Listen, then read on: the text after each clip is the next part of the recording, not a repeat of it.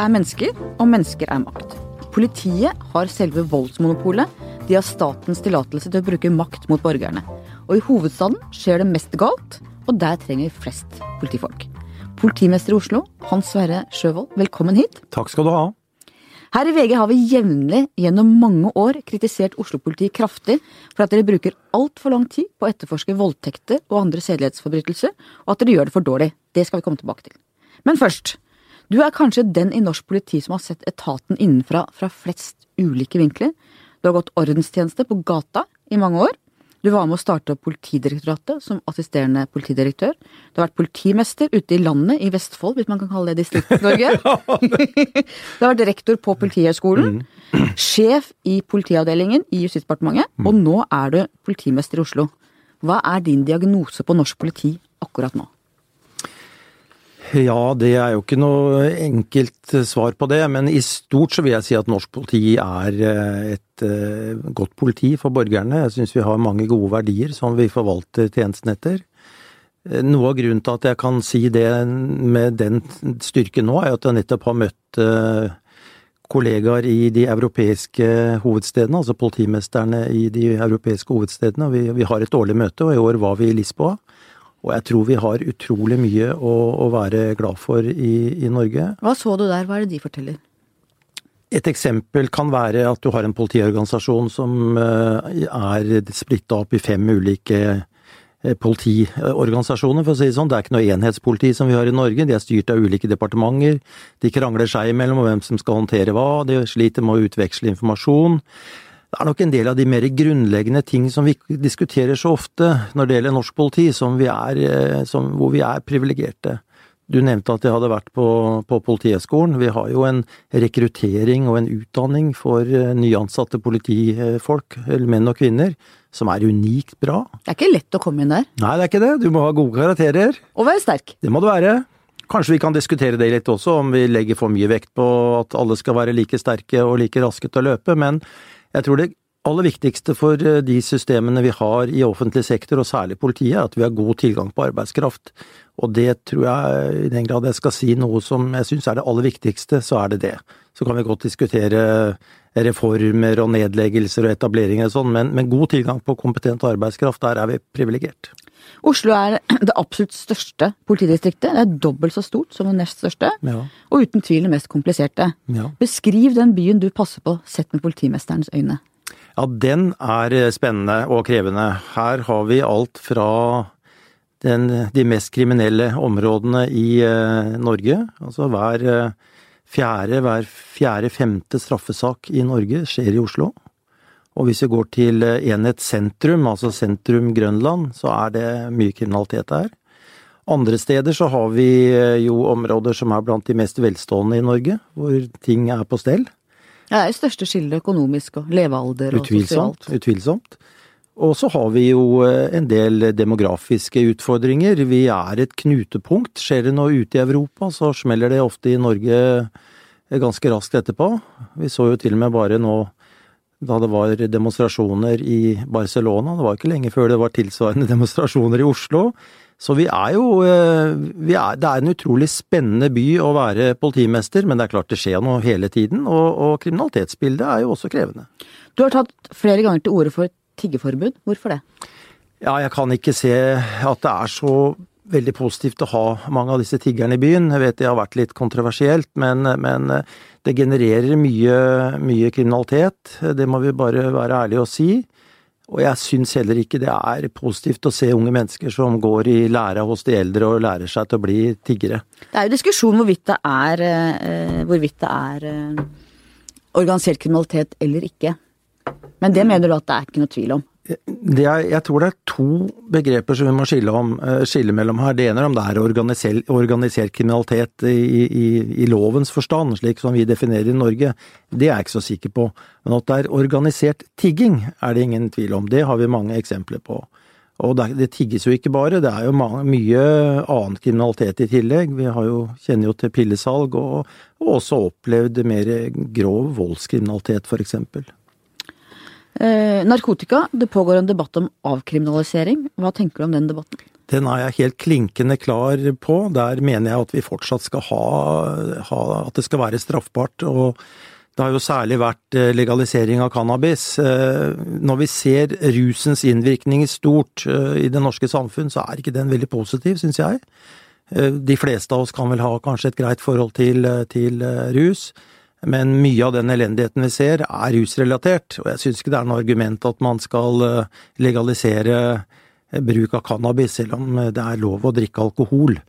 Det er mye elendighet knytta til rus, og jeg har fremdeles tro på at når poden kommer hjem og du sier at dette er straffbart, så kanskje de aller fleste unnlater å bruke.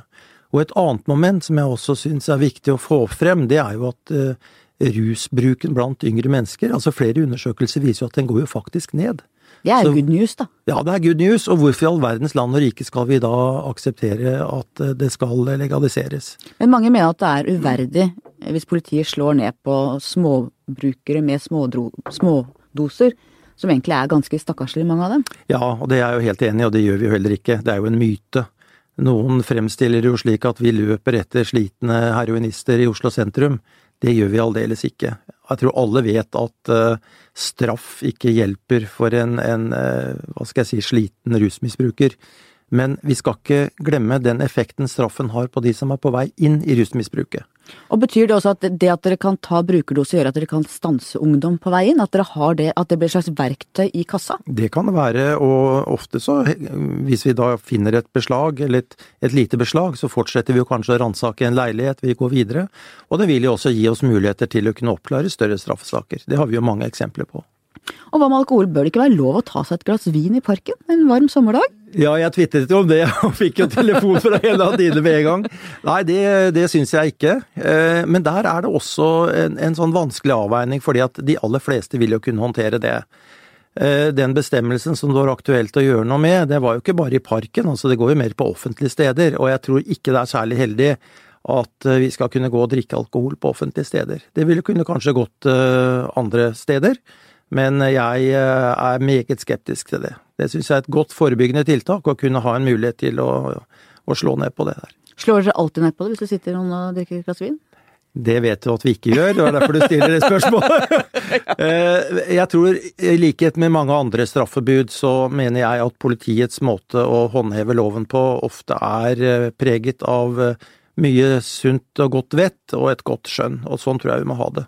Vi vil ikke kunne ha et samfunn hvor politiet skal reagere på alt de ser av straffbare forhold. Selv jeg syns ikke det ville vært noe bra sted å være. Akkurat nå pågår det en rettssak i Oslo mot tre ungdommer som drevet med grov vold mm. et sted i byen her. Har det blitt råere i hovedstaden? Det tror jeg vi må kunne si at det har blitt. Det har blitt uh, råere vold. Altså kriminaliteten går jo ned, altså volumene går jo ned.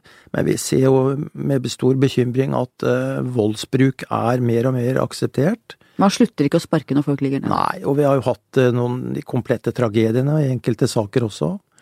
Så forherligelse av vold syns jeg er helt uh, grusomt, å se den utfordringen vi har nå i, i, samfunnet, og særlig også i Oslo. Vi ser disse slåsskampene, de sprer, de sprer seg jo. Det er ikke bare her. Og bruk av sosiale medier er jo også en ny dimensjon inn her. Så det å kunne gå trygt på gata, og ikke minst kunne være, ha en trygg arbeidsplass som lærer og skoleelev, det må være et viktig, viktig tiltak fremover. Viktig ja, Det ble jo i fjor rapportert om nær 2000 voldsepisoder mot lærere i Oslo-skolen. Halvparten av dem var alvorlige. Hva er det som skjer, egentlig? Nei, det er et uh, godt uh, spørsmål. Nå skal vi jo ha et møte med kunnskapsministeren uh, om kort tid. og det er etter min mening helt uakseptabelt. Men, men, det vi nok ser er at det som skjer på skolen kan nok like mye være et uttrykk for hva som skjer utenfor skolen. Og gode oppvekstvilkår, oppvekstvilkår det å kunne ha en god familiestruktur, det, det, å kunne bli et menneske som føler seg til nytte i samfunnet, tror jeg er det, er det helt avgjørende. Og jeg hører jo stadig oftere begrepet nå om uh, unge, sinte menn. Og det er ikke så bra. Jeg kommer nettopp fra denne konferansen som jeg nevnte for deg i Lisboa, og har jo, eh, vi har jo stadig kontakt med våre svenske kolleger. Og, og det er ingen god utvikling i enkelte svenske byer nå, det må jeg bare få lov å si. Hvilken rolle kan politiet spille i forebygging av kriminalitet, og for å nettopp hindre ungdom i å falle utenfor? Ja, Det viktigste vi skal drive med, er å sørge for at vi får færrest mulig inn i våre registre. Det er ingen tvil om. Men politiet jobber jo mye forebyggende i eh, Oslo. Vi fikk jo godkjent i den store politianalysen som ble gjennomført. Vi satser mye på det. Hvordan jobber dere da, helt konkret? Mye går jo på individnivå. Altså vi, vi, har ulike metoder hvor vi kommer i kontakt med ungdom, vi samarbeider med kommune, og vi er helt ned på individnivå for å iverksette tiltak. Jeg tror vi er ferdig med den eh, tiden hvor vi, vi hadde generell informasjon at det var dumt å gjøre det og det og det. Nå må vi inn og se på individene. De aller fleste vil jo greie seg godt, og det er viktig at vi måler etter tiltakene våre. Men politiet har jo erfart at dette gjør vi jo ikke på egen hånd. Vi må samarbeide med andre offentlige etater, og ikke minst ulike private aktører som, som har med ungdom å gjøre.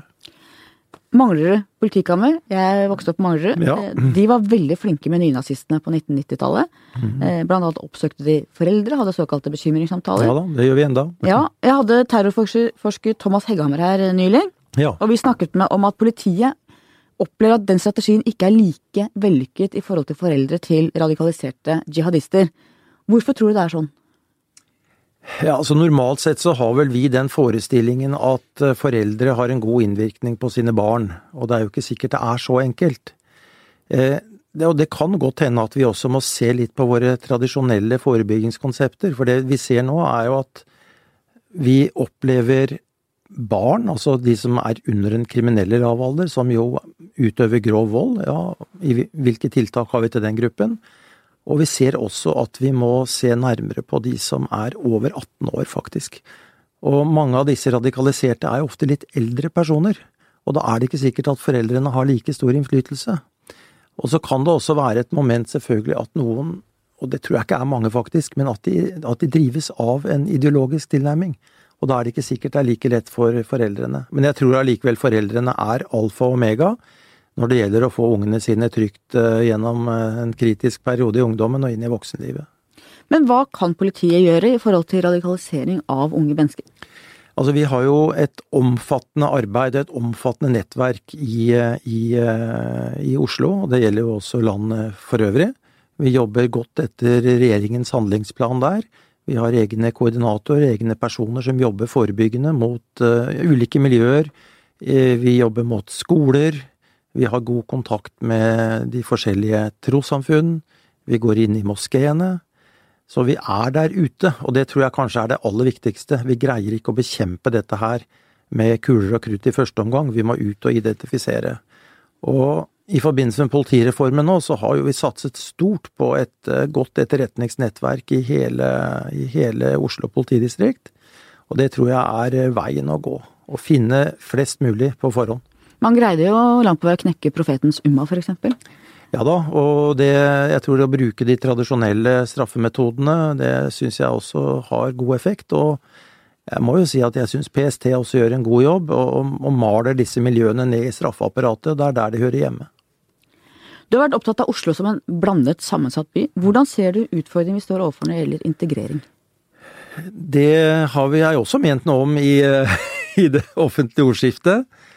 For det første så Dersom det kommer mange asylsøkere til et land, så tror jeg det er viktig at vi opprettholder denne bosettingspolitikken som vi har i Norge, nemlig at vi sprer de godt rundt i kommunene. Jeg tror det skjer masse godt integreringsarbeid i, i norske kommuner. De fleste vil jo til Oslo? Det eh, vet jeg. Mange ønsker jo det. Eh, vi ser hvordan det har gått i andre land. I Sverige har de jo fri bosetting, ja, det har jo ikke gått det er, det er jo ikke bra overhodet.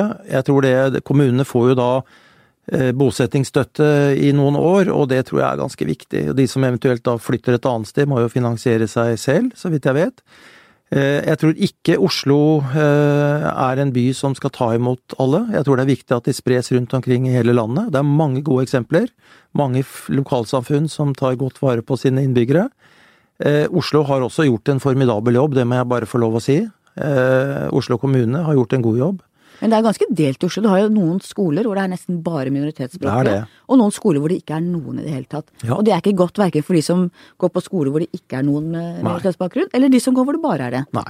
Og der vet Ingen av dem blir vant til det samfunnet Nei, som lever. og det, det er et godt poeng, og da vet jeg jo at det diskuteres ulike modeller. Og jeg, jeg registrerer jo at det har vært noen heite diskusjoner nå i forbindelse med annet det som har skjedd på, på Stovner. Eh, Jeg skal ikke blande meg bort i det, men, men jeg tror det er ganske viktig at skolen er en viktig integreringsarena, og jeg tror man må begynne lenge før. Jeg tror det er viktig at alle som kommer inn i et samfunn og er nye borgere i et samfunn, lærer seg språk. Jeg tror det er bra at de kommer i en barnehage og får oppfølging på skolen, for språk er viktig, og språk er viktig for å skaffe seg utdanning og kunne få et godt utkomme og et godt liv. Det er helt avgjørende. Og, Og mødrene bør jobbe. Mødrene bør jobbe, og de bør ikke sitte hjemme og få betalt for å ha ungene sine hjemme, for å si det på den måten. Dette er jeg helt enig i. Ja, det er bra. Ja. Der er vi enige. Hva med æresvold, ære- og skamkultur, kvinneundertrykking, unge mennesker som ikke selv får velge sine liv? Ja, det hører vi stadig flere eksempler eh, på, og det er vel særlig vår sjef i øst, Jon Roger Lund, som har, eh, har syns jeg satt det på agendaen på en god måte. Altså hva er, eh, hva er forskjellen på et tvangsekteskap og et eh, arrangert ekteskap? Det syns Det er jo noen glidende overganger der. Det, Veldig det er meget krevende, og jeg syns det er rart at eh, det offentlige Norge, og kanskje det offentlige ordskiftet, ikke har tatt mer tak i det. For det er, eh, det er nok noen strukturer der ute som ikke er særlig eh, mye å skryte av i 2017. Og det må vi være veldig tydelige på, tenker Helt jeg. enig, det er helt uakseptabelt. Og jeg hører jo eksempler på unge kvinner som blir behandla meget, meget dårlig. De burde ta tak i gutta sine og sørge for at de også kan oppføre seg. Ehm, vi er en delt by, som vi snakket om. Uh, Malin Stensønes, forfatter, skrev bok nylig om det indre livet i beredskapstroppen. Og der fortelles det også mye om volden i en del innvandrermiljøer. Hva tenker du om det, hva betyr det for politiets arbeid? Ja, jeg syns det er eh, For det første så mener jeg at Stensønes har, eh, har skrevet en god bok, og der er jeg jo fullstendig inhabil til å si det, for det var jo jeg som sa hun skulle skrive den boka, eller i hvert fall sa ja til det, da. Hun har jo styrt innholdet sjøl. Jeg syns det var eh, en spennende måte å formidle noe fra politiets inneliv på. Det å slippe til en forfatter. Og vi har jo også han Økland som har skrevet en bok nå, men det var ikke det du spurte om. Eh, det vi ser nå er jo, det har vært mye oppmerksomhet rundt nå dette med, med etterforskning av saker som går på familievold, altså vold i det lukkede rom. Og med den demografien vi har i Oslo, så er det klart at de er kjempekrevende. Jeg syns nok av og til det er litt urettferdig at vi blir sammenlignet med en del andre mindre distrikter i Norge. Og, og det kan være barnerike familier, det kan være, det kan være far slår mor, det kan være seksuelle overgrep. Det krever utrolig mye å etterforske de sakene. Men det å få bukt med det, tror jeg også er god forebygging. For det evner vi å gi ungene en god og trygg oppvekst, så kan det gi god, eh, god avkastning på, på sikt. Så jeg har veldig tro på den jobben som skal gjøres der, men den er krevende i deler av Oslo. Og hva gjør det med politimann og politikvinne når man er ute på oppdrag og stadig møter den type situasjoner? Det er jo enormt krevende også menneskelig sett. Det er det, og det vi ser det er jo at uh, vi, en del av disse miljøene, kan jeg også si de som etterforsker sakene, det er jo mange yngre mennesker og yngre politifolk, og de eh, kan nok til tider være preget av det. Vi sliter jo med å få etterforskere til å, til å kunne stå i, i disse sakene over tid. Og det, det, det har jeg en viss forståelse for. Ungdom og oppvekst. En ungdom fikk oppholdsforbud på Mortensrud senter tidligere i år. Mm. der har det vært store problemer. Det er gjenger som definerer sine områder. Fortell hvordan du ser den utviklingen i byen. Er i ferd med å få litt sånn eh, territoriell krigføring i Oslo? Det er eh, i hvert fall det som er skrekkscenarioet. Og, en ting er at du har gjenger som, som slåss mot hverandre uavhengig av territorium, men det vi ser der nede er jo, er jo nettopp det. Altså de har eh, definert eh, et område hvor de ønsker å ha kontroll, og, og det, det er klart at det, har, det er en krevende situasjon for oss. Vi Det er nytt. Det er nytt. Eh, Det har vært Gjenger slåss gjerne mot hverandre, men her ser vi at man ønsker å hegne om sitt eget territorium. Eh, Man rekrutterer mindreårige Ja. til å handle og presser dem langt på vei? Det er helt riktig, og de rekrutterer dessverre en del av de vi har beskrevet litt tidligere i intervjuet her også, eh, som da faller utenfor. Men det er mye enklere å, gjøre karriere med å selge narkotika. Og vi har jo sett disse tendensene i andre hovedsteder i, i Europa. Det er jo noe de, de sliter med, blant annet i Sverige. Og det er helt uakseptabelt at at det er noen andre enn politiet som er sjef i gata. Og det er klart, her har vi en stor utfordring. og det er nok en utfordring jeg syns eh, vi kunne fått noe mer oppmerksomhet rundt som hovedstadspoliti. Vi blir ofte liksom sammenligna med alle andre. Jeg tror neppe det er andre politidistrikter i Norge som har de utfordringene, og det er utrolig ressurskrevende. Og det vi trenger eh, i tillegg til det vi gjør i dag, for nå etterforsker vi mange saker, det er rett og slett å ha så mye patruljekraft at vi kan eh, slå ned på det som, som måtte være. Dere må vinne kampen Vi må vinne, det er, det er, eh, for å si det så enkelt, det er politi som er sjef i gata. Og det er ingen andre som kan, eh, kan eh, ha den rollen. Og den dagen den rollen overtas av andre, da har vi jo tapt. Fins det no go sons i Oslo, der hvor politiet syns det er vanskelig å gå inn? Nei, det gjør det nok ikke. Er vi i ferd med å få det? Det tror jeg ikke heller. Men, men jeg tror vi, vi, skal være oppmerksom på at utviklingen kan gå i gal retning hvis ikke vi nå får tatt tak i dette her, og jeg mener vi har en god mulighet. Og jeg syns det er positivt nå at vi, eh, vi skal møte kunnskapsministeren, men det må settes inn ekstraordinære tiltak her for å, for å ha nok kraft til å, å, å ta det, altså. Du har mye kontakt med svenske kollegaer. I Norge er det en debatt om såkalt svenske tilstander. Hvordan vil du beskrive Sverige sett med politiøyne? Nå har jo jeg særlig god kontakt med mine kollegaer i Stockholm, fordi vi, vi, samarbeider jo en del eh, som hovedstadspoliti. Og det er klart, eh, mange av de beskrivelsene som er gitt av tilstandene i, i eh, Stockholm, de, og det gjelder jo altså andre, andre byer i, i, Sverige, de er jo ikke særlig positive.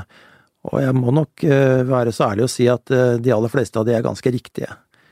For meg så virker det som det er nærmest en sånn eh, kamp om å, å, å nesten ut fra et sånt ideologisk grunnlag å vinne en debatt. Men eh, de har så mange skyteepisoder her borte nå, og så mange drap som de må etterforske, at annen kriminalitet blir liggende. Og de har no go zones? Det har de også, og det er, eh, de sliter også med å beholde og faktisk å rekruttere ansatte. Ja, det har vi jo hørt at mange politifolk slutter, de orker ikke mer. Nei, og nå har de fått mye penger der borte, så det er jo litt spennende å se hvordan hvordan det kan eh, resultere kanskje i bedre vilkår, for jeg tror faktisk ikke de har så gode lønninger i svensk politi. Men eh, det, det, som, det som, jeg ser for meg som skrekken da, eh, det er at vi, vi bruker så mye ressurser på å måtte håndtere alvorlig kriminalitet begått av gjenger mot hverandre. Drap og, og skyteepisoder. De bruker håndgranater. At det tar så mye ressurser at ikke vi evner å løse annen normal kriminalitet, eller ikke normal kriminalitet, men mer sånn hverdagslig kriminalitet. Det som rammer vanlige, det som rammer vanlige, skikkelige folk, og det er jo egentlig de vi er der for. Men vi bruker da, eller et sånt system vil bruke all energi på andre ting, og da, da har vi en svært uheldig utvikling. Og, og det, hvor vil du si vi er på skalaen fra én til ti, hvor én er ikke noe gjenger, ingen problemer, og ti er Sverige? Eh, jeg tror nok vi, vi, ligger nok litt over gjennomsnittet i Norge, men det blir vanskelig for meg å ta den på straken da, når du spør meg. Men vi, jeg ser tendenser som vi er helt nødt til å adressere nå. Det, du gir meg jo en mulighet her, og det setter jeg veldig pris på. Fordi at eh, hvis dette får lov å utvikle seg, så vil jo det også ødelegge balansen i norsk politi. fordi at eh, og i det norske samfunnet? I det norske samfunnet, helt klart. Så det er eh, absolutt ikke bra. Og det var jo mye styr rundt dette her i forbindelse med valgkampen, og, og da var det vel nevnt dette med Rinkeby. Men det er klart det er, eh, det er vanskelig der. Og politiet i Stockholm må bygge en politistasjon med 200 politifolk for å, for å prøve å få balansen tilbake der. Eh, men det skytes, det, det, brukes håndgranater. Det er ganske alvorlig kriminalitet. Det er svært alvorlig kriminalitet. Ja, det er heavy. Kan vi risikere at politifolk her også blir utslitt? Eh, det tror jeg ikke Jeg håper ikke det, men, men, vi skal jo ikke se bort fra at vi har slitasje på enkelte områder. Jeg nevnte jo det, blant annet når det gjelder avhør av eh, av eh, barn. Vi ser særlig disse familievoldssakene, så er det jo en, en viss slitasje på, på, ansatte. Det tror jeg vi bare skal ha, være ærlige på. Sverige har 2000 radikale jihadister, ifølge mm. SEPO, det svenske sikkerhetspolitiet. Mm. Hvordan vurderer du terrorfaren i Norge? Ja, da Det er jo et, et meget, meget godt spørsmål. Vi har jo den trusselvurderingen vi har fra PST, og der ligger det jo på en sannsynlighetsovervekt for at det skal skje et eller annet. Vi føler på det hver dag i Oslo. Vi er opptatt av, av det.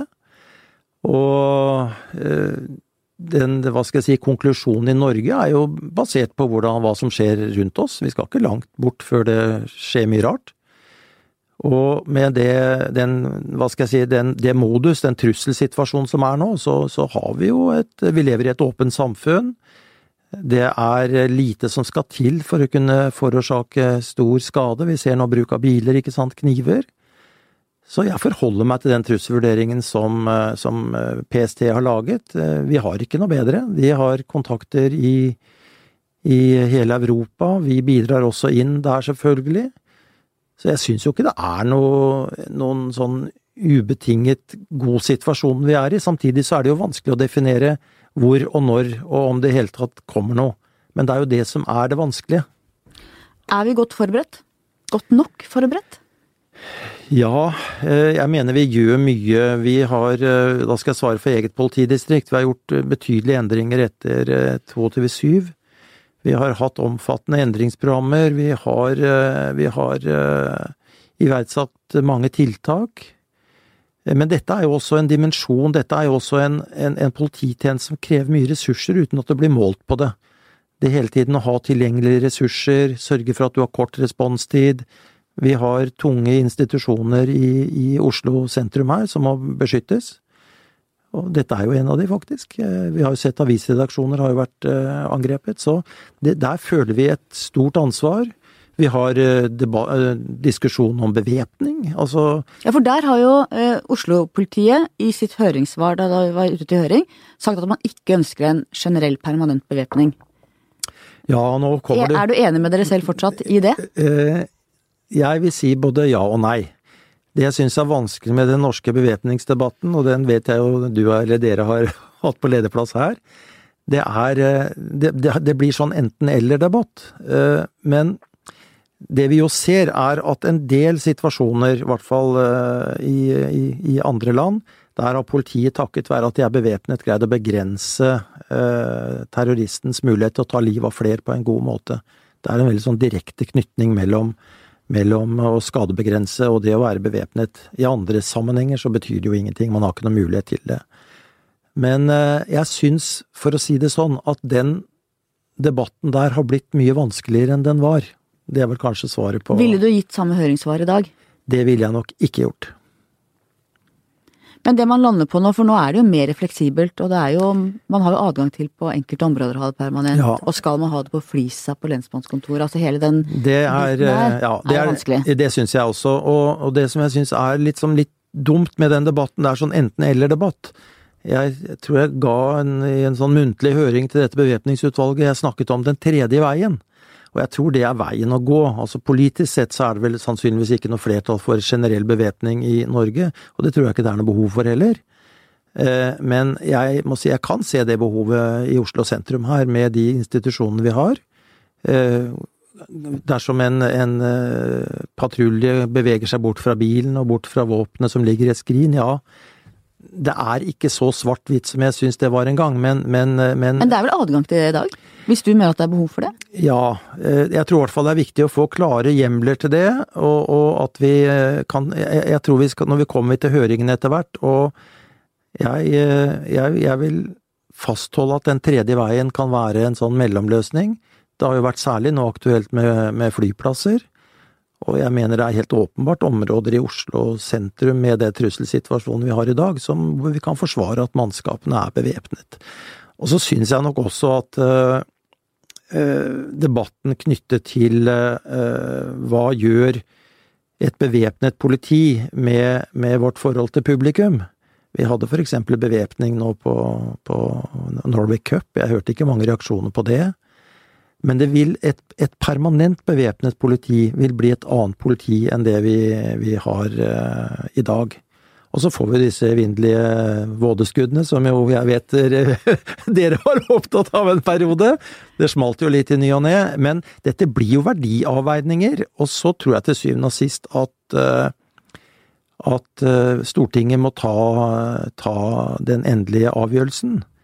Men da må, må, vi også si at det var verdt det, den dagen en politimann ble skutt som ikke fikk anledning til å gripe inn eller beskytte seg. For da kommer den diskusjonen opp igjen. Og for dette er kjempekrevende debatter. Vi må snakke om 22. juli. Hva mener du gikk galt 22. juli? Ja, altså jeg tror det, jeg tror det, var, ble, det, ble, det ble, massivt. Altså det, ble, det, ble, en voldsom eh, det, ble voldsomt alt. Det skjedde på flere steder. Det var snakk om koordinering, det var snakk om samband. Altså jeg har jo også lest uh, rapporten. Vi har brukt mye tid på det internt i Oslo. Uh, og så tror jeg det også var, det var nok stang ut på et par områder. Nei, jeg vil nok si uh, denne, denne, sjøtransporten har vi jo, har vi jo fått uh, opp igjen mange ganger, og jeg må nok si det var Jeg var jo avbrøt jo ferien min for å reise inn i departementet da. Det er klart, jeg, jeg, tror vi så ganske tidlig at denne, denne gummibåten det, er, det var ikke noe tvil om at det ville bli et symbol på et eller annet. Samtidig så så, så hadde vi sambandsutfordringer. Eh, det var eh, det, ble, det koker også i forbindelse med informasjonsutveksling. Dette er ting vi har tatt veldig tak i nå. Vi har omorganisert operasjonssentralen vår, vi har satt på mer folk, vi har andre rutiner. Og så føler jeg vel kanskje at nå, når, nå har det gått noen år, så er det også mulig å diskutere det i en litt annen sammenheng. Eh, vi ser jo også at i andre, andre land så går det tid. Eh, jeg syns det er forferdelig, de, de, 15 minuttene, for eh, jeg vet at det er mange som mista sine i de 15 minuttene. Men vi har lagt om rutiner. Det, har, det er jo slik nå at innsatspersonell kanskje kan gå inn raskere enn tidligere. Man skal, er ikke så veldig nøye på å sikre alt. Eh, forhåpentligvis så får vi helikoptre på plass. Ja, for det at det fortsatt ikke er på plass, det syns jeg er Jeg bare kjenner det opprører meg. Ja, veldig. Det har eh, det nå, Men nå kommer det i hvert fall. Ja, men det er, jeg, det er, seks år siden. Jeg er helt enig med deg, og nå er jeg glad for at det kommer. Jeg er glad for at det kommer et beredskapssenter. Hva sier det om politikernes forståelse av situasjonen, at de fortsatt ikke har klart å få det på plass? Eh, jeg vil i hvert fall si at helikopter er et viktig eh, virkemiddel for okay, å kunne komme Jeg kan si det du ikke kan si, jeg syns det er en skandale. Ja, men det har du jo sagt før da, så det må du gjerne si. Det, det er helt greit. Eh, men, men jeg, jeg, må i hvert fall si med det konseptet vi nå kommer til å få, et beredskapssenter, de kommer til å ligge på beredskap på 15 minutter. Vi er ikke avhengig av Forsvaret mer, vi har våre egne, våre egne helikoptre, vi har alt på ett sted det kommer til å bli en, en eh, merkedag når det er operativt. Og når er det operativt? Ja, Vi håper jo at det skal være ferdig bygget nå i 2020, og så kan det vel sikkert ta litt tid for å, for å komme i, gang med det, men, men eh, Så nesten ti år. Tenk det. Ja. Nesten ti år etterpå. Mm. Ja. Det får du Skrive om. Det du, ja, det gjør du jo, vet jeg. Ja, det gjør jeg. Men ingen har tatt ansvaret for det som gikk galt den gangen. Ikke i politiet, ikke andre steder, som i politikken. Hva tenker du om norsk ansvarskultur? Ja, den eh, norske ansvarskulturen er jo Den er ikke som andre, i hvert fall. Andre kulturer hvor, eh, hvor eh, Altså, én ting er man kan jo ha gjort noe feil man må ta konsekvensen av det. Andre kan vel kanskje ikke bebreides så mye for å ha gjort noe feil, men uansett så må man ta ansvar fordi man, har, man sitter med en eller annen lederposisjon. Eh, nå syns jeg nok at uh, det som skjedde etter 22.7, det er jo en del som har måttet tatt ansvar. Det har jo skjedd ganske mye. Men ingen har gått av med begrunnelse i feilene fra 22.7? Det, er. Eh, det er riktig. Så, men det er vel et kulturelt trekk vi har, da. Jeg skal ikke skrive ut noen eh, avskjeder, jeg, i ettertid her. Men for eksempel det faktum at Grubbegata ikke var stengt, på tross av at politiet hadde pekt på det i årevis. Hvordan kunne det skje? Ja, det Så vidt jeg vet så ble det vel en sånn kommunal eh, diskusjon om regulering og sånne ting. Eh, og så kunne selvfølgelig kanskje staten ha gått inn og overstyrt kommunen der. Så. Statsministerens kontor kunne definitivt ha ordna opp i det. Mm. Ved regjeringsråden og andre. Fullmaktene ligger nok der. Ja. Mm. Eh, og så har vi nobelprisutdelingen ved Malala. Ja. Hvor det kom en ung mann helt opp til fredsprisvinneren i Oslo rådhus. Det kunne ja. gått fryktelig gærent. Ja. Men heller ikke det fikk konsekvenser for noen. Hvem har ansvaret her, og hva skjedde etterpå internt i politiet? Ja, det burde vel vært jeg da som hadde ansvaret for det. Ja. Eh, så det, der har det vært en ganske grundig gjennomgang etterpå, ja. Ja, hva fant dere ut? Det, Og hva gjorde dere? Det som eh, var eh, åpenbart, var jo at denne meksikanske studenten skulle jo ikke ha vært der. Han passerte jo to sluser. Eh, Det var det ene, så han skulle jo ikke ha vært inne. Og eh, så kan man jo lure på hvorfor eh, det gikk elleve sekunder før han ble lagt ned. Og hva har dere lært? Vi har eh, skjerpa betydelig når det gjelder adgangskontroll.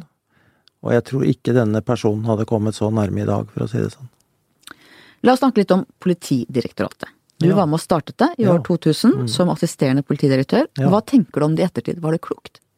Det tror jeg var helt nødvendig, å etablere et politidirektorat. Jeg, eh, jeg var jo eh, Jeg var jo eh, avdelingsdirektør i eh, politiavdelingen i Justisdepartementet, og hadde jo der eh, i min, eh, min enhet ansvaret for alle fagsakene. Jeg hadde PST, politidistriktene, hadde jo masse ansvar. Jeg tror vi var eh, 30-35 ansatte, og det var ikke noe glory i det, altså. Så det å få eh, politisakene, i hvert fall de fleste av de, ut av departementet og i et direktorat, det tror jeg var helt nødvendig. Så jeg har alltid vært tilhenger av eh, etableringen av et politidirektorat, selv om det var også en politisk litt vanskelig sak eh, den gangen. Jeg vet det var noen som sleit med det. Og hvordan tenker du at det har utviklet seg? Eh, Jeg tror Politidirektoratet har utviklet seg på en god måte, men, men det, å finne, det å finne balansen mellom politikk, direktoratsrollen, ytre etat, eh, Riksadvokatembetet, samarbeidende, hva skal jeg si, eh, parter, det er en veldig krevende rolle. Og det har jo est ut byråkratiet est ut. Man bruker konsulenter som ja, helt sjukt mye konsulenter. Og man satte i gang dette merverdiprogrammet og har fortsatt ikke fått et velfungerende datasystem på plass for politiet etter så mange år og så mange hundre millioner kroner. Hvordan er det mulig? Det skal ikke jeg svare på, men det er i hvert fall Du tenker vel dit? det er i hvert fall bra at vi får gode datasystemer på plass, for det trenger vi. vi Dette var veldig diplomatisk. Ja, men jeg er diplomat, jeg, vet du. Jeg er ikke som deg. Eh, Jeg tror det er viktig å få disse datasystemene på plass. Eh, Vi ser hvor sårbart det er. Det hender det går ned. Eh, Det er ikke alltid dere får vite om det heller, sånn at eh, vi, da blir vi sårbare. Jeg tror det som det er viktig, det er å få eh, god infrastruktur på plass, få de grunnleggende systemene på plass. Og så var vel merverdiprogrammet et svar på ønsket om også en mye bedre interaksjon med publikum. Og det er klart, det har nok eh, Det, det håper jeg vi får til bedre etter hvert, fordi at mange av de måtene vi eh, betjener publikum på, også internt med ulike arbeidsprosesser, de bør digitaliseres, og må, der må vi jobbe på en nokså annen måte. Det tror jeg ikke det er noe tvil om. Så til mitt åpningsspørsmål. Voldtekt og sedelighet. Riksadvokaten kom med en rapport i år som var ganske sviende. Om den mangelfulle etterforskningen, tiden det tar, eh, ofrenes stilling. Et tilbakevendende tema. Mm. Hva vil du si til ditt forsvar? Ja, det var vel en av de første sakene jeg ble konfrontert med fra dette huset her, faktisk. Det var jo saksbehandlingstid på voldtekt. Den har, eh, det har gått opp. Og jeg, har, jeg, jeg vil ikke forsvare meg i den forstand, fordi at eh, det er et høyt prioritert eh, saksfelt. Du sier tiden har gått opp. Den gangen så gikk jo tiden Ja. opp, og nå har vi også en høy saksbehandlingstid. Ja.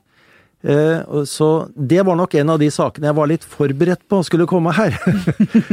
det vi ser er at eh, tilbøyeligheten til å anmelde voldtekt har jo blitt ganske bra, og det, det skal vi være glad for. Men vi ser at vi bruker også veldig mange, mye ressurser på å etterforske voldtekter som ikke er voldtekter.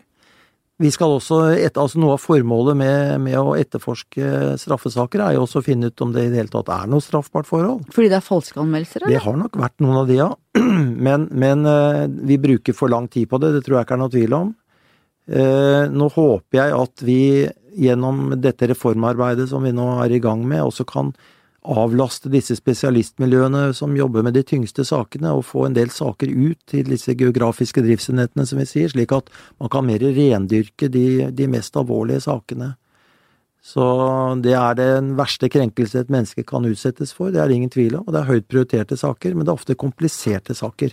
Og det har vel ikke noe særlig høy prestisje heller. Mitt inntrykk er, jeg har vært flere ganger på Politihøgskolen og snakka med politiledere og sånn, og fått inntrykk av at det er ikke mest prestisje knytta til akkurat de sakene. Det er jeg ikke så sikker på. altså Jeg ser den etterfor, Det etterforskningsmiljøet vi har i Oslo, i hvert fall, er, består jo av massedrevne etterforskere. Flinke folk. Veldig flinke folk, må jeg si. Så Jeg tror ikke prestisje nødvendigvis er det store, den store utfordringen i norsk politi. Problemet er ofte hvordan vi verdsetter arbeidskraften der de jobber. For det er nemlig mitt neste spørsmål. Ja. Lønnssystemet, hvor man kan tjene mer på å gå på gata og ordenstjeneste enn å drive etterforskning. Det er jeg enig i. Det lønnssystemet burde man ha, ha gjort noe med. Man burde verdsatt høyere det å jobbe med etterforskning. Riksadvokaten har vært veldig bekymra for etterforskningsbiten, også i forbindelse med politireformen, men også på generelt Mm. Ja. grunnlag. Men nå vil jeg si at etterforskning har jo fått eh, et svært stort fokus i, eh, i eh, reformen. Nå legger vi opp til at de som er også ute i gata, ordenspolitiet, skal jo gjøre flere etterforskningsgrep. Vi har eh, I Oslo har vi bemanna opp etterforskningsenhetene betraktelig. Nå er det vel snart 50-50, tror jeg, når det gjelder fordeling mellom det og ordenstjeneste. Så ressursmessig så har vi i hvert fall gjort noe med det. Men det er helt eh, riktig som du sier. Vi burde hatt andre insentivordninger for å kunne beholdt folk. Handler dette om fagforeningsmakt òg, eller at de er ikke villige til å gå inn på den type ting? Fagforeninger har jo vært sterke i politiet, Politiets Fellesforbund. De demonstrerte for noen år siden med uniform foran Stortinget. Ja, det tror jeg ikke var noe særlig lurt for øvrig. Nei, det tror ikke jeg heller. Men, eh, men jeg opplever ikke at fagforeningene har noe imot det. De ville vel tvert imot applaudere at vi skulle, skulle betale mer lønn til etterforskere. Det tror jeg ikke har vært noe dilemma.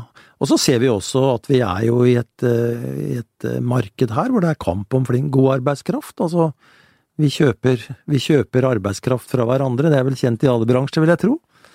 Jeg, men jeg, jeg, jeg tror det må noe grunnleggende til når det gjelder eh, få etterforskere eh, inn. Og der har jo jeg en idé, da, og i den grad det skal være litt sånn spenstig her. Hvorfor skal alle løpe like fort og kunne løfte like mye i benkpress og være like fit fysisk for å kunne komme inn i politiet? Hvorfor kan vi ikke begynne å, å rekruttere egne etterforskere som får sin bachelorutdanning, men som ikke nødvendigvis eh, skal kunne søke jobber, om det er ute både i på de mest operative områdene hvor det kreves eller stilles fysiske krav. Jeg tror vi må begynne å tenke helt nytt. Mer hjernekraft enn armkraft. Ja, det var jo dine ord. Eh, Jeg håper nå at de som har armkraft, har jo også hjernekraft, for det blir jo tatt inn i det samme systemet. Men noe av det grunnleggende dilemmaet i norsk politi i dag er jo utdanning av generalisten. Det betyr at alle skal kunne gjøre alt den dagen de kommer ut fra Politihøgskolen. Jeg tror vi må begynne å, å spesialisere systemene mye tidligere. Og det kan ikke være sånn at alle etter å ha vært etterforsker i to år eller eh, tre år, så skal de ut og kjøre patrulje, for der tjener de mer penger. Jeg tror vi må begynne å differensiere litt. Generalistbegrepet i norsk politi tror jeg må begynne å diskuteres litt mer heftig. Interessant. Nå var det den gamle rektoren på Politihøgskolen som talte, tror jeg. Ja, men det er mulig at jeg var mer generalistfokusert da jeg var der. Nå har jeg sett noen andre ting etter at jeg kom ut. Ja. Vi må snakke litt om deg. ja. På et tidspunkt skiftet du etternavn fra Andersen til Sjøvold. Ja. Hvorfor det? Det var, eh, det var eh, ikke jeg, det var min mor som gjorde det. For eh, hun het da Else Andersen. Else Sjøvold Andersen het hun. Og jeg tror hun fikk post fra, fra seks forskjellige personer, så det var bare et kaos. Og da byttet hun eh, fra Else Sjøvold Andersen til Else Sjøvold, og da fulgte jeg med. Så det var tilbake på, på 70-tallet en eller annen gang. Du har kanskje funnet ut av det òg, eller? Nei, det veit jeg ikke. Så godt har jeg ikke etterforska. Nei, det er bra det. Fortell om oppveksten din på Nøtterøy. Ja, jeg eh, er jo vokst opp eh, på et sted som heter eh, Føynland, som ligger på en liten øy på østsiden av Nøtterøy, og vokst opp i et helt alminnelig hjem. Med en mor som var på jobb stort sett bestandig, og, og jeg Hva jobba hun med? Hun jobba i helsevesenet. Og en far som var krigsseiler, så jeg, jeg Han døde jo veldig ung, så Hvor gammel var du da? da var jeg tolv år. Så jeg måtte tidlig lære meg til å greie meg sjøl. Var han prega av erfaringene til sjøs, eller? Ja, han fungerte Han var aldri i jobb, han var alltid syk, og var i grunnen ikke noen sånn eh, Hva skal jeg si? Han var en veldig syk og passiv mann, men en veldig snill mann. Jeg har eh, mange gode minner av han, men, eh, men, eh, men fysisk så fungerte han aldri. Var dere nære sånn følelsesmessig, eller var han en litt fjern pappa? Jeg, jeg opplevde han som en, en god pappa de gangene vi uh, var sammen. Jeg har bilder hvor han satt og leste bøker for meg. Han var flink til å spille trekkspill. Jeg, jeg begynte å spille piano, men det tror jeg var en trist historie. Så, men, men han var en han var smart mann. Uh, jeg, uh, etter mange år så pakka jeg ut noen pappesker etter at mor døde da Han døde i 69, og mor døde i 2004. og Da fant jeg fram hans gamle vitnemål og attester. Han var flink på skolen. Eh, han var sånn landsmester i trekkspill, men, men, var preget av, av, det han hadde vært med på. Hans familie var jo Det var sjø og fiske fra Nøtterøy. Og jeg har jo fremdeles barndomshjemmet mitt der nede, og der er jo mine, mine gutter er jo femte generasjon på den lokale skolen der. Snakket han noen gang om erfaringene sine fra sjøen, eller? Nei, aldri.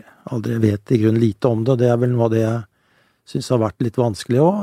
Jeg har jo sett noen bøker og sånne ting, men eh, jeg vet i grunnen ikke så mye. Han, men han har jo fått medalje og sånn som jeg har tatt vare på. Det er jo noen skjebner blant de krigsseilerne som er veldig såre. Forferdelig. Eh, det må jeg si. Eh, jeg husker jo godt jeg, vet jo at mor sleit med Hadde ikke mye å greie seg med, tror jeg. Var litt dårlig råd, og, men hadde, jeg hadde veldig ressurssterke besteforeldre, altså på hennes side. De tror jeg alltid stilte opp og tok over et gammelt hus uten innlagt vann og vannklosett. Da tror jeg nok det var min mormor og morfar som, som bidro til det. Og det. og det huset, da, det mitt barndomshjem, har vært i familiens eie siden 1869, og det har jeg jo fremdeles, da. Er du enebarn, eller har du søsken? Jeg har en søster, da. Hun eh, er eh, en del år eldre enn meg og har bodd i London i i mange, mange år. Flytta tidlig, så Men vi har fått god kontakt nå. Eh, etter at Ryanair begynte å fly fra Torp. da, da, ble det raske turer til London. Så du ble, ble, du nær moren din, eller? Ja, veldig nær eh, mor. For det ble jo etter hvert dere to, da? Det ble oss to, ja. Det var veldig tette. På Hva slags type var hun? På godt og vondt. Nei, det var et arbeidsjern, altså. Det var eh, Jeg husker jeg fikk en sommerjobb en gang, da hun skaffa meg det, og da jeg, sto jeg i skrubben på et, uh, et, lokalt pensjonat. Og det orka jeg i tre dager. Da var jeg altså så sliten og oppgitt, og det å vaske sauskjeler og alt det der, det syntes jeg var forferdelig. Og så gikk jeg hjem til henne og sa at nå slutter jeg. Du fantegård ikke fra en jobb! Så jeg, jeg, jeg, er vant til, eh, jeg er vant til eh, å stå opp om morgenen og jobbe hardt. Det har jeg lært. Det var ikke noen nåde der? Ingen nåde. Men jeg tror hun, jeg tror hun, eh, hun tilga meg etter hvert, da. Ble stolt av deg, eller? Hun må jo ha blitt det? Veldig. Ja, veldig. Hun Det tror jeg hun var, ja. Fulgte alltid med, med sønnen sin, og selv om min søster har flytta til London, så var hun alltid opptatt av eh, å behandle oss eh, likt, og var ofte der borte. Eh, hun fikk jo barnebarn der etter hvert, og, men det er klart, dette med engelsk var jo ikke så greit for den generasjonen, så det tror jeg var en, en stor barriere for henne.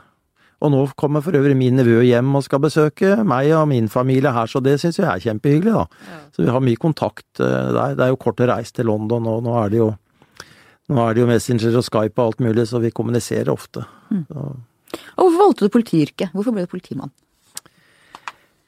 Ja, det var nokså tilfeldig. Altså, jeg hadde Jeg eh, Da jeg var ferdig med militærtjenesten, så, så skulle jeg begynne å studere, og så, så ble det noe jussen, og jeg eh, ble jo ferdig med, med førsteavdeling den gangen, og så fikk vi jo ikke Nei, jeg begynte å studere juss, sånn var det, og så ble jeg ferdig med førsteavdeling, men så fikk jeg ikke utsettelse med militærtjenesten, så jeg måtte da avbryte studiene. Det var ikke sånn som i dag, det er mer lettvint. Og så gjennomførte jeg militærtjenesten min, og så hørte jeg om at det var sånne studielister i Oslo, for da kunne man Eh, kunne man jobbe som politi og, og, studere ved siden av, men da måtte man jo være politi. Så jeg hadde egentlig litt sånn eh, litt sånn studiefinansieringsmotivasjon, da.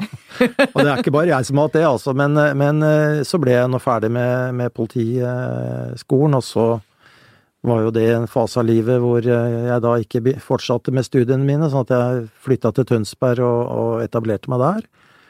Så begynte jeg på'n igjen, faktisk. Jeg tok jo resten av jusstudien min som selvstudium på biblioteket ved Tønsberg politikammer. Jeg er ved siden av full jobb.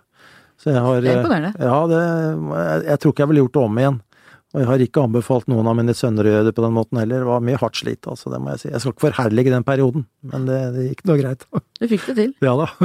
Vi må snakke om en annen politisak, Eirik Jensen-saken. Ja. Dommen er anket. Ja. Skyldspørsmålet er altså ikke endelig avgjort. Nei. Men det som er avdekket, er uansett en skandale for norsk politi, og særlig for Oslo-politiet. Mm.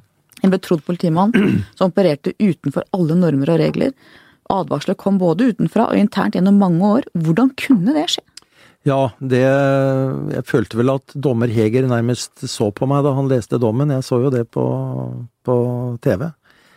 Det, det har vi spurt oss sjøl om ganske mange ganger, hvordan det er mulig. Og jeg har ikke noe godt svar på det. Det eneste jeg vet er at sjølve rammeverket, altså reglene, er jo gode. Det er jo bare det å forvalte reglene på en god måte. Der mener jo jeg at, eh, at eh, Einar Aas i sin tid eh, satte ned beina, og jeg tror det var, en, var bra, det han gjorde. Meget bra. Men hva som har skjedd før det, syns jeg det er vanskelig å uttale meg så mye om. Det som jeg var litt opptatt av da, eller var mye opptatt av etter at denne dommen kom, som ble lest opp, det var jo at det må noen andre svare på. Jeg tror ikke en organisasjon skal prøve å finne sånne svar på egen hånd. Eh, det, en ekstern, ekstern gransking, tenker du? Ja, en granskning, jeg vet ikke om jeg skal kalle det det, men det må i hvert fall noen må gjennomgå det. For det er et høyst betimelig spørsmål. Og hvem bør gjennomgå det? Nå har jo justisministeren tatt tak i det, og det tror jeg også det er riktig at det løftes eh, langt ut av eh, Oslo jeg tror ikke Altså, vi, vi, må, vi, må, ikke gå inn i en sånn uh, spesialenheten light her. Jeg tror de som bør gå gjennom dette her, det er uh, personer med god forutsetning for å kunne mene om kommunikasjon, organisasjon. Jeg uh, leste vel at det var mange advokater som ville være med på dette. Jeg tror ikke det er nødvendigvis den rette kompetansen. Hent noen fra et helt annet miljø, kanskje noen fra utlandet. Er det straffbare forhold, så må det uansett over i et formelt system. Men det er vel mer å finne ut hvordan, hvordan et system var rigget, hvordan var kommandolinjene, rapporteringslinjene. Det syns jeg er, er rimelig. Sier det noe om en kultur? Det kan nok gjøre, fordi jeg tror det som er litt spesielt med den kulturen her, er at da, da en del politifolk begynte å jobbe med hva skal jeg si, nye metoder, så var jo mye av dette var jo ikke så godt regulert. Men litt cowboyvirksomhet? Det skal jeg ikke si, men, men det, er nok, eh, det er nok eh, Det har nok vært en tid hvor ikke alt var regulert, og det kan nok godt hende at datidens helter ikke hadde blitt i dag. Det vil jeg nok kunne si. Dette var også diplomatisk formulert, ja, men likevel tydelig. Jeg tror du skjønte hva jeg mente. Ja. Eh, men det kommer reguleringer etter hvert, og det har vært det i ganske mange år, altså. Og vi har jo gått gjennom det i Oslo og mener at rammeverket er godt, men det må forvaltes.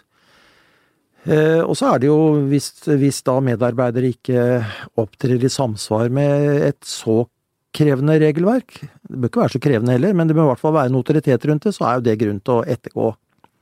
Og så har jeg også lyst til å si en annen ting. Altså, jeg har stor respekt for uh, et politi som tester grenser og prøver å gå og, og prøver å oppklare alvorlig kriminalitet. Og det er, det stor forskjell på å teste ut en grense og kanskje være litt sånn i grenseland, og det å være kriminell. Altså, jeg tror det er viktig at vi sondrer mellom de to tingene. Den dagen vi får et politi som er så servilt at ikke vi tør noe som helst, da tror jeg heller ikke det er bra. Og så skal ikke jeg si noe om en dom som ikke er endelig rettskraftig, men, men jeg tror det er her de diskusjonene vil gå fremover. Og hva vil du gjøre for å gjenopprette tilliten etter dette? Ja, det jo det umiddelbare er selvfølgelig å, å, kunne få de eksterne øynene til å se på dette her. Jeg tror ikke, jeg tror ikke Oslo-politiet sjøl kan kjøre en, en egen uh, gjennomgang av seg sjøl. Det blir bare feil. Uh, det må andre gjøre. Vi har jo hatt evalueringer i, uh, i vårt eget system som har kanskje ikke vært kritisk nok mot oss selv. Det vet jeg vel er nevnt på lederplassen i avisen her også, jeg følger med, skjønner du. Ja, det er bra. Ja. Så jeg tror det er viktig at uh, uansett hva som kommer, så må det ha legitimitet, altså. Så, så det, det, regner jeg jo med at justisministeren kommer til etter hvert. Jeg har jo, har jo litt tid på det, da. Og mye av dette er jo, det er jo verdt å merke seg, det ligger jo noen år tilbake òg. Det sies om deg at du er en visjonær type, mer enn mange andre i politiet. Hva tenker du om norsk politis fremtid? Hvordan er ditt drømmepoliti? Ja, det er eh, For det første var det jo hyggelig at jeg var en visjonær type, selv om jeg har fylt 60 år. Det syns jeg var, god, var, et godt kompliment. hyggelig av deg å si.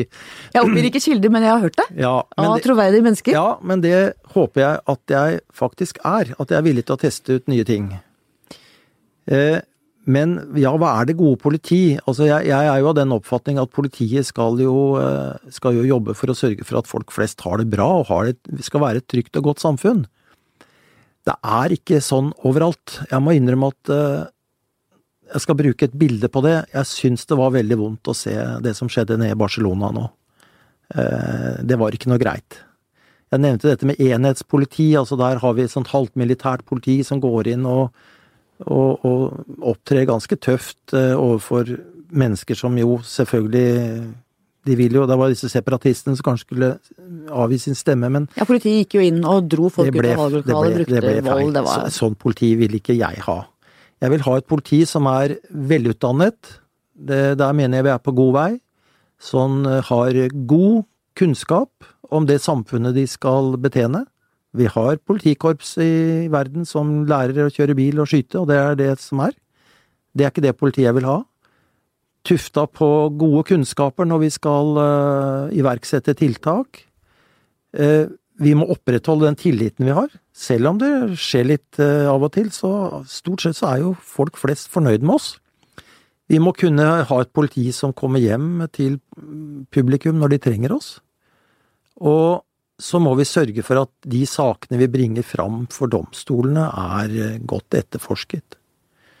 Det var noen stikkord. Eh, og så må vi også ha et politi som evner å, å snu seg dersom forutsetningene endrer seg. Eh, jeg tenker litt på det vi snakket om, utfordringene spesielt i Oslo. Ja, da må vi kanskje bruke litt andre metoder. Jeg tror vi må være fleksible, men eh, som sagt, god rekruttering av flinke folk, nærhet til publikum, å respektere de spillereglene som gjelder for politiets virksomhet. Vi skal ikke ta noe personlig. Ryker en sak, så ryker den. Eh, gjør vi feil, så får vi tåle det. Hvis eh, Hanne Skartveit gir oss litt kjeft, så får vi heller si ja, det er vel bra det, da. Jeg, jeg, jeg prøver ikke å ta min egen embetsførsel personlig. Jeg prøver jeg å spille en rolle. Ja. Kunne du tenkt deg å bli politidirektør på et tidspunkt? Det tror jeg ikke er aktuelt for meg, nei. Nå tror jeg får være hva med Benedicte Bjørnland, PST-sjefen? Mange snakker jo om henne som ja, mulig etterfølger. Ja. Jeg skal ikke si noe om hvem som eh, skal bli politidirektør. Nå regner jeg vel med at kanskje han som er der har lyst på et åremål til, så får jo de som eh, Skal ikke jeg mene om det. Bør han ta det? Det syns jeg han bør ta, for det har vært en tøff periode i, eh, i Politidirektoratets uh, historie nå. Det har vært mange tøffe saker å stå i. Når du som toppleder hele tiden må forsvare og forsvare og forsvare, så får du ofte litt sånn eh, utfordringer med å bruke mye oppmerksomhet internt i den organisasjonen du, du skal eh, lede videre. Så det syns jeg også er litt verdt å merke seg, hvis du, hvis du sitter som toppleder hele tiden og skal bruke tid på alt mulig annet.